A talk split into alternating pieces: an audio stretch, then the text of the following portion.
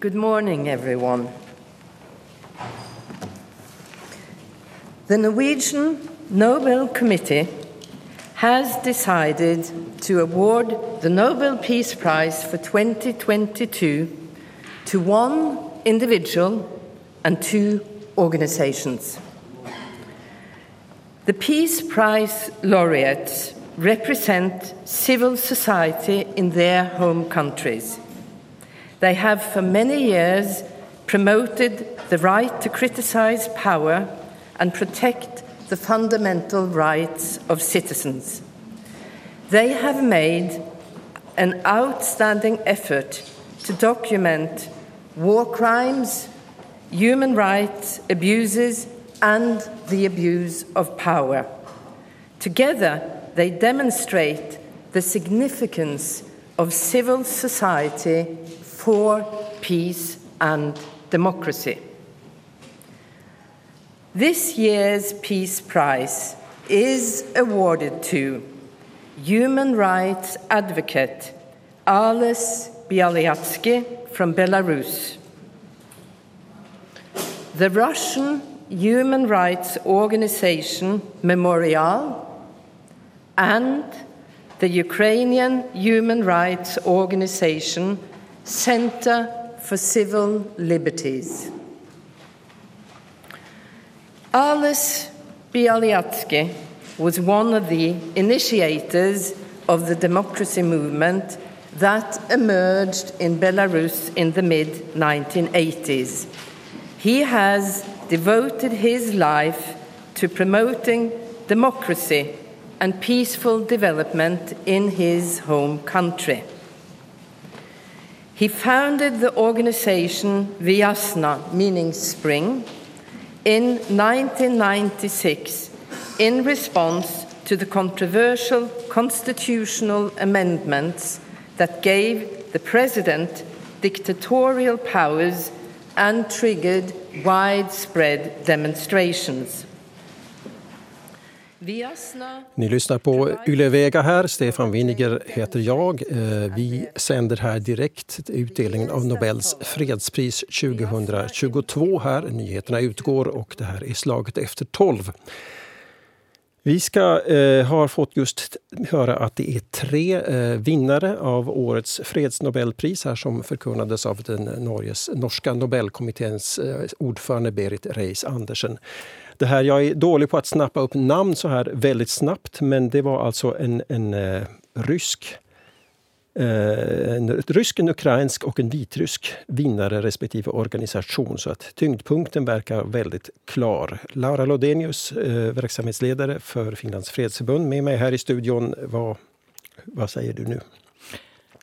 No, på det sättet var det ju ganska bra att, att, eh, att man tog upp det här med, med, med människors aktivitet och, och medborgarorganisationernas aktivitet för fred och, och eh, för liksom, eh, demokrati. Och den här kombinationen med att ta Rysslands memorial som hör till de organisationer som man också i Finland har hemskt mycket försökt stödja och eh, som alltså har uh, satts på den här foreign agents-listan för länge sedan och nu så har man då i praktiken nästan förbjudit i Ryssland Memorial. Så det har varit jätteviktigt att, att få ett sån här signal från, från Nobelkommittén. Och sen den här Belarus, Vitryssland, uh, delen är också på det sättet viktig att, att, uh, att se att att äh, fast det här akt, aktuella kriget nu mellan Ryssland och, och, och, Ukraina så har ju faktiskt så, äh, så spelar det ju en stor roll också i hela området. Och det här människorättsaktivismen och demokratiaktivismen som kommer liksom nerifrån så har ju varit hemskt, hemskt svårt i Vitryssland. Eh, Belarus. Att det, jag menar, eh, där har det ju varit en auktoritär ledning redan länge och det har varit hemskt svårt att, att så att säga vara en aktivist och många har ju måste fly. Så att på det sättet så var det nog en sån här... Nobelkommittén kom då, eh, tog upp en aktuell fråga men sen dessutom plocka liksom sådana här äh, människor som har vågat liksom säga ifrån och, och, och, vara aktiva fast man har blivit förtryckt och satt i fängelse och, och så vidare. Mm. Det här eh, arbetet för fred, alla sorters ansträngningar har sällan känts så aktuella som just i år, alltså som är ett krig som pågår i Europa. Eh, och nu väljer då Nobelkommittén att ge priset till, till eh, företrädare som kämpar för fred och eh, civila rätt, rättigheter i just de länder som egentligen är inblandade, om vi nu undantar eh, Belarus. så. Men alltså krigsparterna här eh, det överfallna Ukraina och Memorial som alltså arbetar med att, att, att minnas Namnet säger ju det, de övergreppen som skedde under stalinismen framför allt i Sovjet, dåvarande Sovjetunionen. Det här, eh, är det här, eh, man brukar annars säga att Nobelkommittén kan vara lite, vad ska jag säga, försiktig med att, att belöna människor som har eh, en relation till pågående konflikter. Man har brukat ibland velat spela säkra kort. Det verkar man inte göra nu.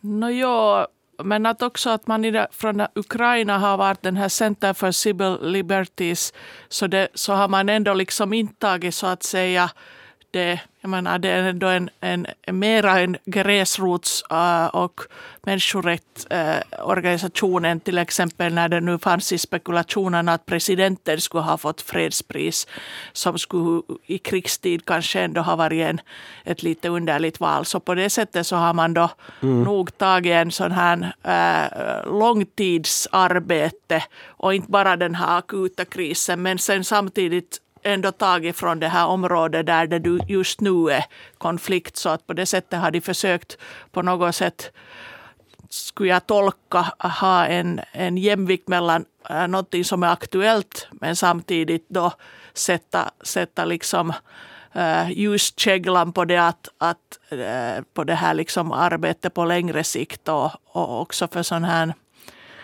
att, att det är ju inte direkt liksom fredsaktivism utan faktiskt att via människorätts och demokratiarbete stödja fredsarbete. Så att på det sättet har man då äh, också tagit fram det här att freden är en, en, liksom en, en kombination av, av mycket olika saker. Mm. Hållbar ekologi, mänskliga rättigheter, demokrati. Att allt det här är en del av fredsarbetet. Mm. Nu, eh, nu eh, överkonsumerar vi allihopa just nu här krigsnyheter från, från Ukraina eh, sen, sen över ett halvår tillbaka. Och därför är det ändå ganska nära till hands att, att fundera i de här, alltså hur, hur det här hur ser det här ut just i det här sammanhanget? Är det här en, kan det här uppfattas som en kritik i Ryssland till exempel? Ja, jag tror nog att Ryssland säkert så där, Rysslands ledning säkert var på förhand förberedd att det skulle kunna komma ett fredspris som tar ställning mot kriget. Mm. Att, att det, det, det, kan inte komma som en överraskning. Och, och, vad liksom medborgarna tänker i Ryssland just nu, så det har vi ju svårt att säga eftersom de lever lite utstängd från en sån här öppen informationssamhälle. Mm. Uh, det som jag tycker att det är viktigt när vi alla finländare och i Europa överallt, kanske just speciellt i Europa, att vi följer det här kriget så mycket varje dag. Att man på något sätt eh, en dag i året, då när fredspriset ges, så, så säger man liksom, pratar man om fredsarbete, om, att, om hur fred är viktigt och att, eh, jag menar, på senare tid måste jag säga att i mitt eget arbete att man har blivit lite frustrerad över att det finns så mycket bara kring uh, vad det händer på fronten och mm. var det har skjutits och var det har bombats och hur eländigt det är. Vilket ju förstås ska belysas för det är sant och verklighet för en så stor mängd människor. Men samtidigt har liksom allt det här jobbet som, som ändå måste eh, fortsätta för att få stopp på kriget, för att få en fredsavtal och för att se till att kriget inte sprids till större områden till eh, nya människors eh, vardag. Så, så allt det där måste fortsätta och det har liksom nog försvunnit ur nyheterna ganska totalt nu under Ukraina-kriget. Mm, mm. Och, eh, det är alltså en organisation i, i, i Ukraina, en organisation i Ryssland och en enskild person ja. i Belarus. Så var det väl? va? Ja. Och det där... Jag har inte fått upp något han, pressmeddelande med något namn på, därför kan jag han, inte uttala det här. Han heter Ales Bialjatski, men det är lite svårt att uttala så där med finländskt ord. Ja. Uh, som är den här uh, ukrainska, uh, den här belarusiska vitryska aktivisten. Just det. Och det där, så att, så att det där, ja, och det här och så tror jag att i Finland så är den här Center for Civil Liberties i Ukraina inte så känd som Memorial. Att, att det där. Mm. Och vi ska ju komma... Eh, jag har märkt bara att när man är, bor här i Helsingfors att till exempel de här vitryska och belarusiska äh, aktivisterna så står ju nästan varje vecka på veckoslutet vid Mannerheimstatyn för att påminna. Också förra lördagen mm. så var det en demonstration just för att stödja de här aktivisterna och kampen för demokrati där. Så att, så att det liksom har alltid kanske varit en sån där äh, fråga som i Finland inte har varit så hemskt känd och, och, och, man har inte följt så mycket. Så på det sättet var det nog bra att det inte var bara från Ukraina och Ryssland utan att, att de så att säga tog sig beaktande här. Mm. Nu har vi fått sällskap här i sändningen också av Yles utrikesredaktör Viktor Heikel. Välkommen till Slaget efter tolv. Tack. Eh, Viktor, eh, det här eh, var är du överraskad? Vi, vi hade lite funderat eh, i förväg här om vem det månne blir som får priset i år. Det här hade vi inte riktigt hade vi inte på hjärnan eller på tungan eller vad den ska säga. Nej, jag hade på något sätt utgått ifrån att det här priset i år skulle tilldelas någon som så att säga inte skulle vara en så direkt markering mot ett enskilt land eller, eller mot två länder i det här fallet. Ehm, så jag var nog lite förvånad men samtidigt positivt överraskad. Mm. Uh, jag, jag, upplever att det här är mycket, mycket värdiga vinnare. Uh, som, som Laura just var inne på här när jag kom in, så det här är alltså arbete som, som har pågått länge, speciellt i, i då Visnason Memorials uh, fall, liksom sånt här riktigt gräsrots människorättsarbete. Um, så det, det, är nog det, det, är modigare än vad jag hade tänkt mig från mm. kommittén i år. Men, men en, en trevlig överraskning. Mm. Och just eh, det där Memorial som är liksom till och med känt för mig, alltså välkänt, att, äh, att det är eh, det som ju har vars möjlighet att verka ju har just i år äh, minskats. Alltså myndigheterna i Ryssland har ingripit mot, de är väl också stämplade som så kallade utländska agenter vid det här laget.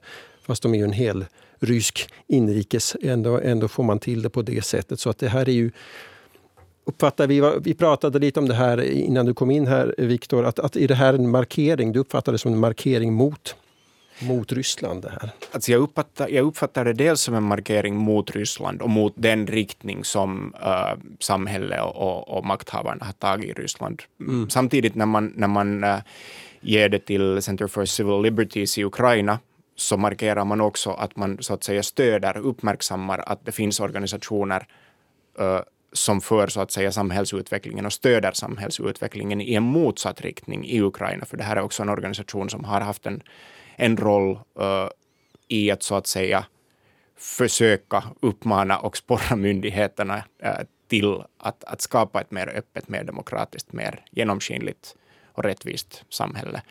Så det är den här kontrasten här som jag tycker att det är ganska slående. Att de här belarusiska och ryska organisationerna, Memorial är ju liksom de facto i princip nedlagt av, av uh, uh, rätten. Mm. Uh, först stämplad som utländsk agent och, och sen nedlagd med, med domstolsorder. Samtidigt som, som då den här liksom utvecklingen i Ukraina har en, fram till kriget gått i en annan riktning till stor del på grund av uh, civilsamhällets insatser.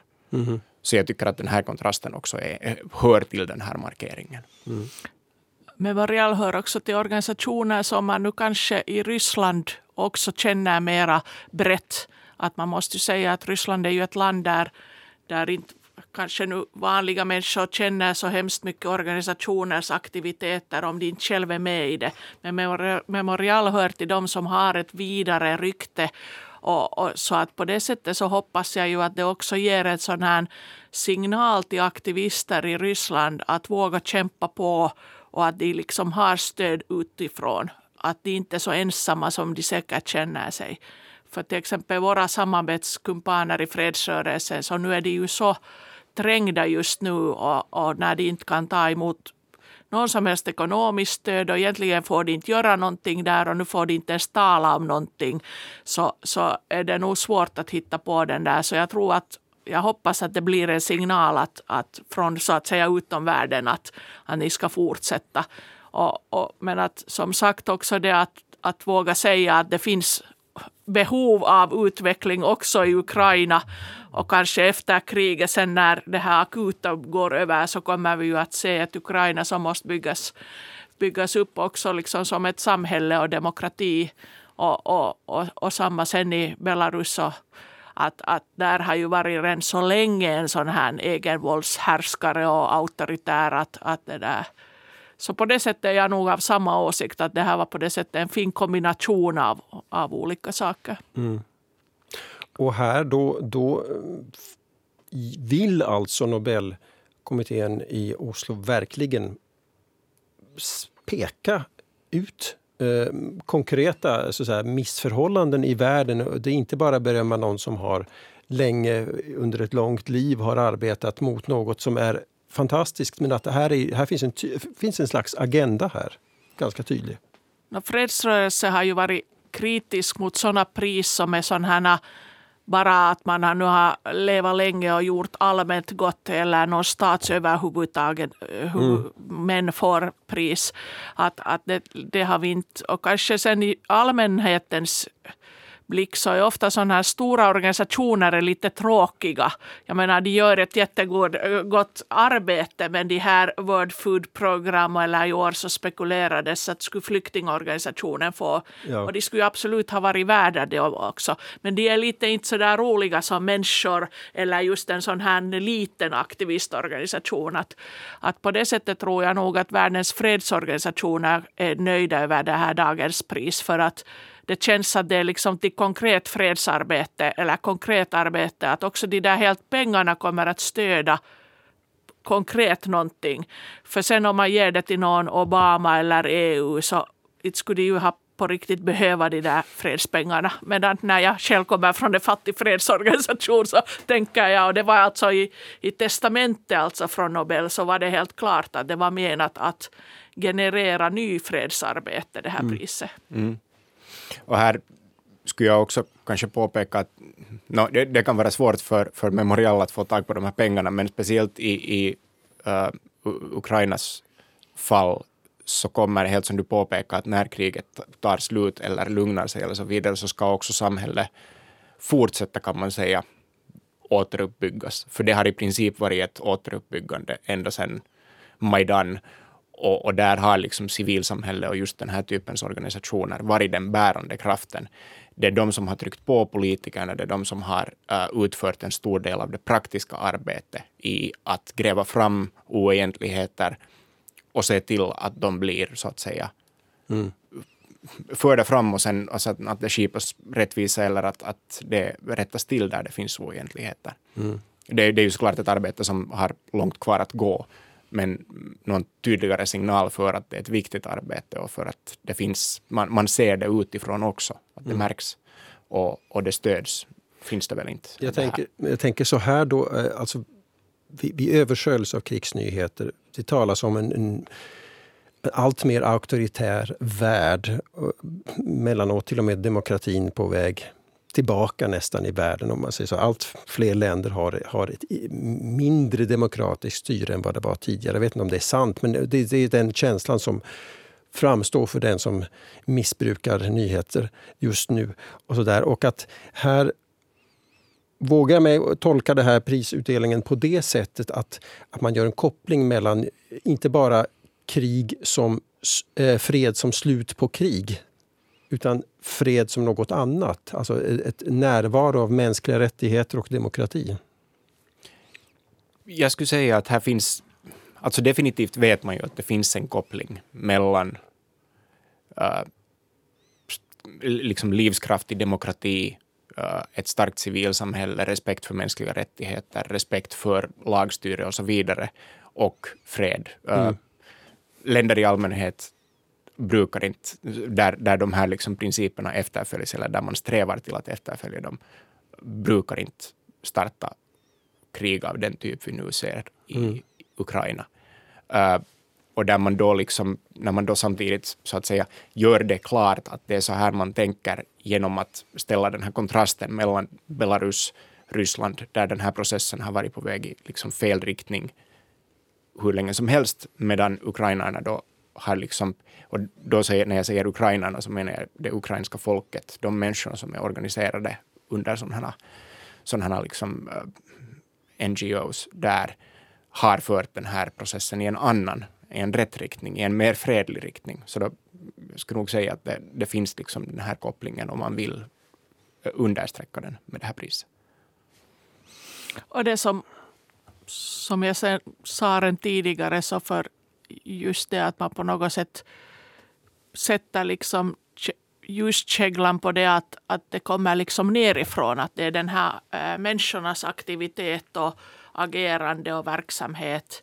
Att det är inte bara en sån här uppifrån neråt som kanske har att göra med det vad du sa att, att vi ser en utveckling där mera auktoritära, mera liksom äh, sån här äh, odemokratiska men också ganska centralstyrda, uppifrån neråtstyrda äh, eh, regimer tar, tar vikt. Så, så, så, hoppas jag att man liksom skulle se det här som en så att säga försök att, att stödja den tanken att, att det ändå är liksom människorna som, som gör ett samhälle och, och, ett, och ett land och, och, och bygger upp det där via just fred eller få fram fred via demokrati och mänskliga rättigheter. Och, och i dagens värld så måste man ju säga förstås också liksom klimathållbart eh, framtid. Och, och, där måste man ju säga att i spekulationerna före så tänkte man ju att, att kanske klimatrörelsen eller aktivismen skulle kunna också vara värt ett pris i år.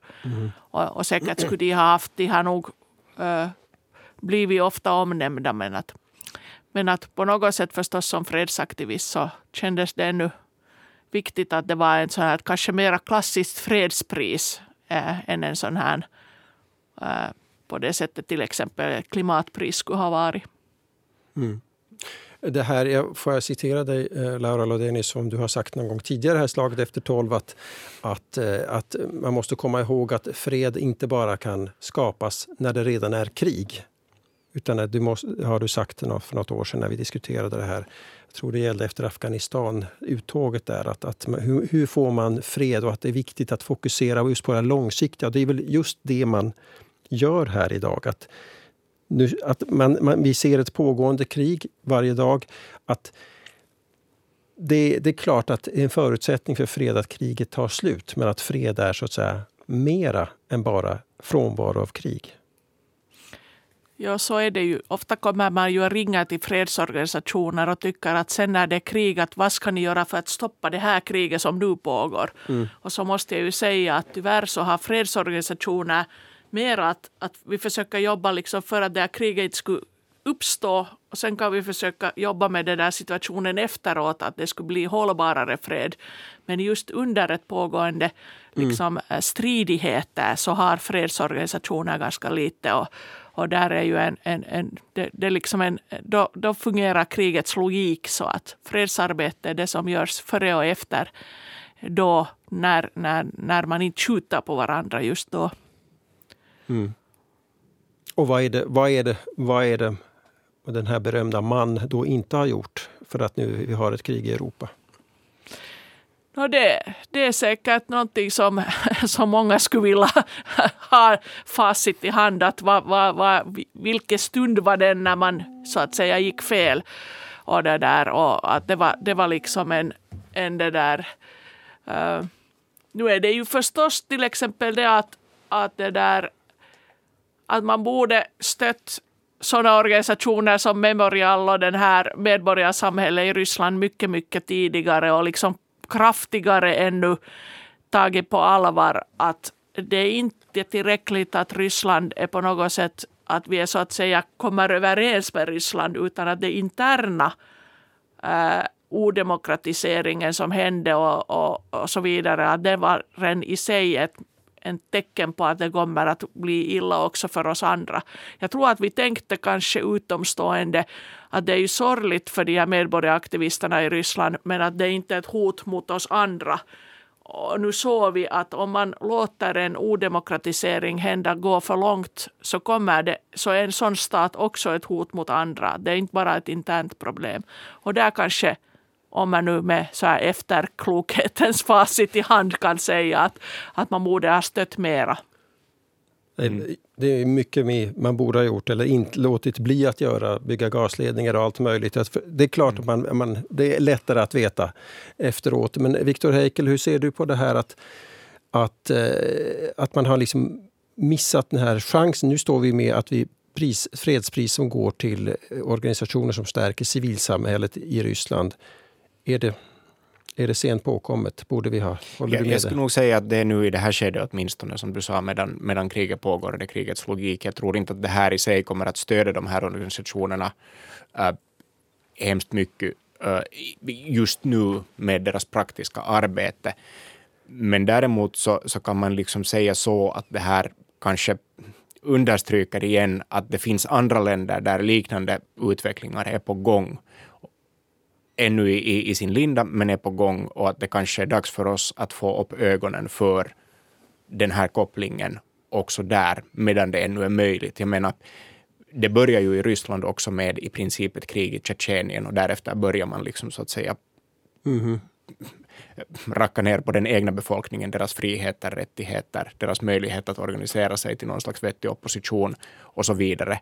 Uh, man piskar upp en sån här krigsretorik och så hade man liksom och så hade man möjligheten att med det som, som täckmantel börja en sån här process. Och skulle man i det skedet ha gått in och stött de organisationer mera och mer öppet sagt att vi accepterar inte den här formen av utvecklingen, den här, den här sortens mm. uh, maktutövande av våra liksom, samarbetspartners.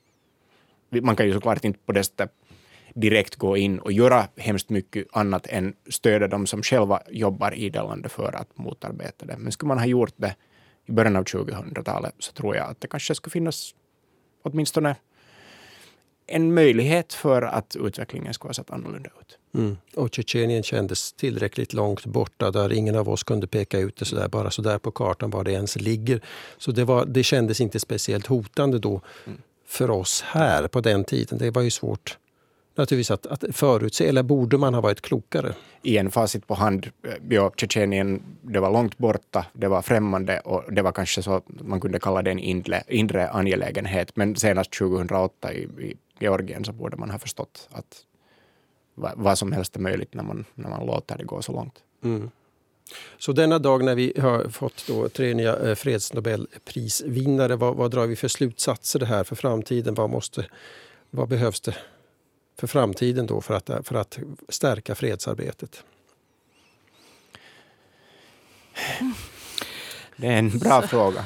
Man kan så här, om man vill koppla det på något sätt till just de här prisen så kan man ju säga att människor i allmänhet när de är fullt informerade om, om dels vad som pågår i det egna landet uh, och vad som pågår i grannländer och världen i stort mm. och, och, har så att säga rätten och friheten att arbeta för ett sådant land som de själva vill se, så är deras första instinkt sällan att dra ut i krig mot en granne. Mm. Så det är kanske... Men det är faktiskt ett som, som det talades ju också som en spekula, i spekulationerna att, att man skulle kunna ge det till någon sort, någon sorts sån här fri media äh, pris till, till det att, att man får publicera. Och där, där så är ju både Belarus och Ryssland och kanske i någon mån Ukraina också, men kanske av andra orsaker.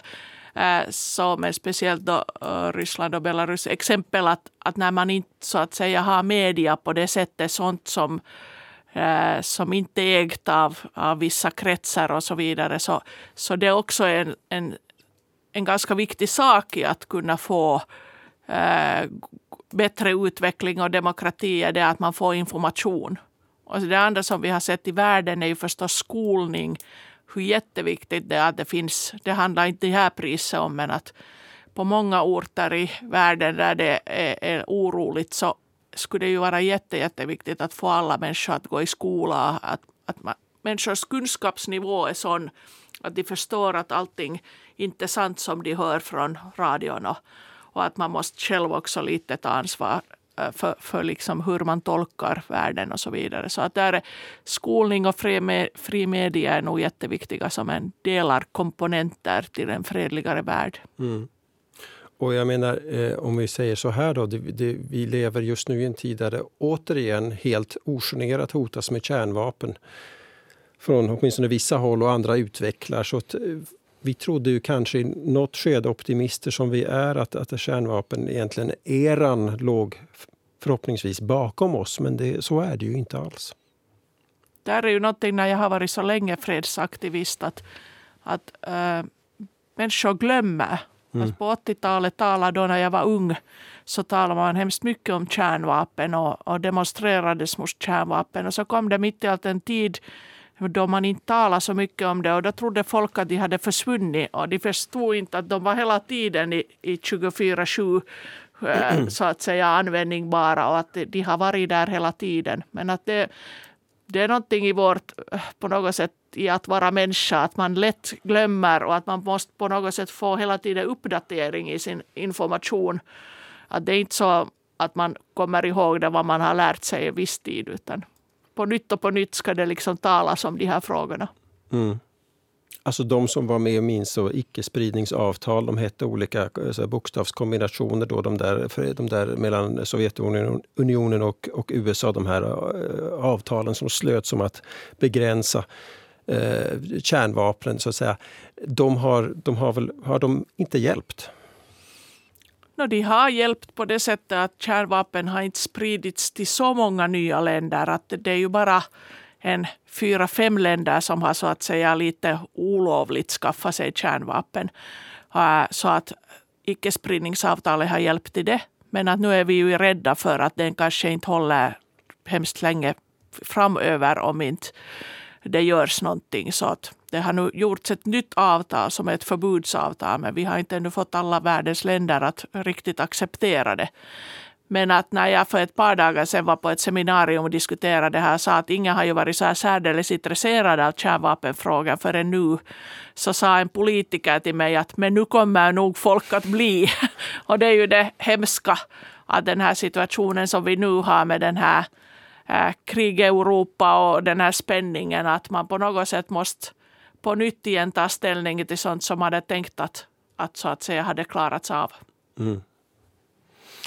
Ja, alltså det som kanske oroar mig är det att det igen talas om taktiska kärnvapen eller icke-strategiska kärnvapen. Det vill säga man har börjat liksom lyfta locket på det här som var tabu länge, att man skulle använda kärnvapen som en del av normal krigsföring.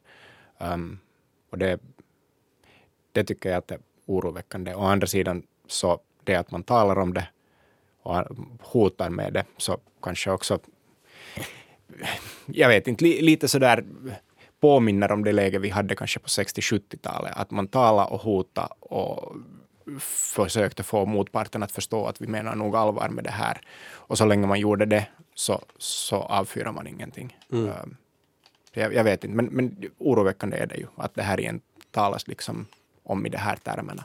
Alltså det, om jag har förstått saken rätt så har eh, den amerikanska presidenten i natt vår tid sagt att eh, vi är inte så nära ett kärnvapenkrig som vi har varit ända sedan 1963 under Kubakrisen. Håller du med om det? Håller jag med om det? Det vet jag inte om jag är kapabel att varken hålla med eller, eller uh, inte hålla med. Men, men alltså, jag kan definitivt hålla med om att vi har inte talat om kärnvapen i de här termerna på allvar på många, många, många årtionden det är många sakkunniga som har, som har sagt den här analysen att vi är nu, nu just i en, i en sån situation som vi inte har varit ända sedan sen Kubakrisen.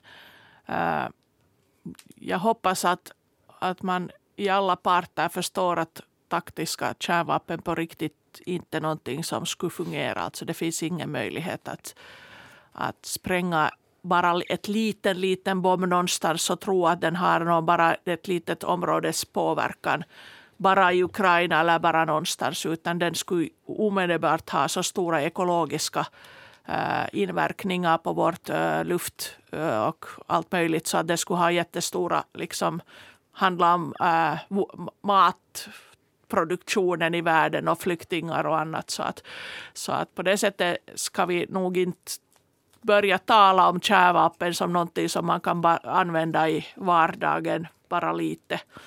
Och, och det, där, och, och, och, det hoppas jag nu att de stater som, som har av de här så förstår att, att det inte... Men att, att i FN när det var alltså det här icke-spridningsavtalets uppföljningsmöte här för en månad sedan cirka så, så var nog länder hemskt oroade över det här att man talar om att man har börjat hota. Att förut var det bara ett sån här teoretiskt politiskt vapen och nu talar man om det så här som en möjlighet. Så.